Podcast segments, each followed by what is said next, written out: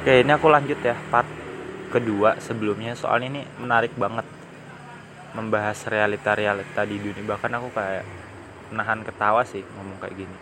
Maksudnya bukan lucu dalam segi orang kayak menderita gitu bukan. Tapi lebih ke kok ada gitu loh orang-orang yang tega-teganya kayak melarikan diri gitu aja. Di mana tanggung jawabnya emang dia nggak takut apa sama karma? Nggak takut kalau di akhirat ditagih gitu kan? Kan utang itu suatu hal yang ini serius ya. Utang itu hak kita maksudnya hak orang lain itu terampas oleh kita gitu.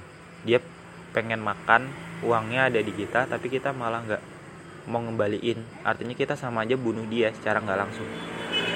Ya nggak? Sekalipun yang minjem itu yang ngutang itu orang miskin. Tapi orang miskin itu nggak mau balikin uang kita. Itu sama aja si miskin itu membunuh kita secara nggak langsung. Itu sih prinsipku kalau soal utang piutang. Dan utang itu adalah urusan yang nggak bisa diselesaikan sama Tuhan kecuali si manusia itu sendiri. Karena itu menyangkut menyangkut hak manusia dengan manusia bukan manusia dengan Tuhan. Oke mungkin dosa-dosa yang lain dihapus tapi kalau dia masih punya utang itu udah beda beda cerita gitu. Beda cerita. Bisa jadi kita nggak diterima di sisi Tuhan karena ada utang. Harus rigid banget sih makanya sebisa mungkin nggak usah ngutang kalau emang nggak perlu. Termasuk sama bank sama apa. Meskipun sekarang bank juga produk-produknya udah bervariasi kita bisa milih ya. Bunga banknya juga udah bervariasi. Tapi tetap aku nggak rekomen utang piutang dan aku kalau punya uang banyak aku juga nggak pernah kasih orang kesempatan untuk utang kok. Aku akan tolak mentah-mentah dengan halus. Kenapa? Aku nggak mau kehilangan duitku secara percuma karena ngutangin orang. Emang membantu orang lain. Tapi aku bakal bantu di jalan yang salah. Artinya gini loh. Terserah orang mau kata apa tapi ini prinsip prinsip hidupku. Aku nggak mau kasih uang orang cara cuma-cuma. Aku nggak mau orang utang sama aku. Karena aku nggak tega untuk nagihnya. Aku nggak tega nagihnya. Kenapa? Ya gini loh. Aku tuh melihat orang-orang ini aku cukup terharu ya. Aku cukup terharu kalau cerita soal ini. Aku tuh sering banget ketemu sama ayah sama ibu anak-anak mereka. Kalau ditagi utang sama si A sama si B debt collector gitulah istilahnya. Apalagi lentah darat. Itu mereka sampai digebukin sampai dibentak-bentak dimaki-maki. Itu aku aja yang nggak terbersangkutan aja mau nangis gitu loh. Kasihan gitu. Kok ya hanya karena uang mereka sampai diinjek-injek sih harga dirinya. Kasihan tahu anaknya kalau tahu denger. Padahal si ayah ibunya ini niatnya minjem uang kepepet ya. Minjem di lintah darat kepepet.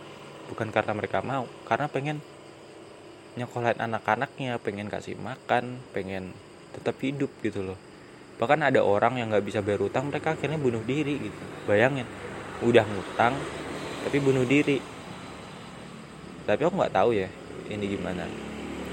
Tapi makanya aku nggak mau pernah kasih orang nggak pernah mau ngasih utang ke orang lain karena aku nggak tega untuk nagihnya. Tapi aku lebih baik tak sedekahin aja dengan niat membantu. Ini tak kasih modal. Terus aku kasih soft skill kayak pelatihan. Jadi misalkan aku udah kaya nih terus ada orang pengen minjem duitku. Aku nggak mau minjemin tapi aku mau ngasih aja. Tapi tak seleksi dulu. Ini orang bener-bener layak nggak sih untuk nerima uang dariku? Dia bisa gunain uang dengan bijak nggak sih? Kalau nggak bijak ya nggak usah aku kasih dong.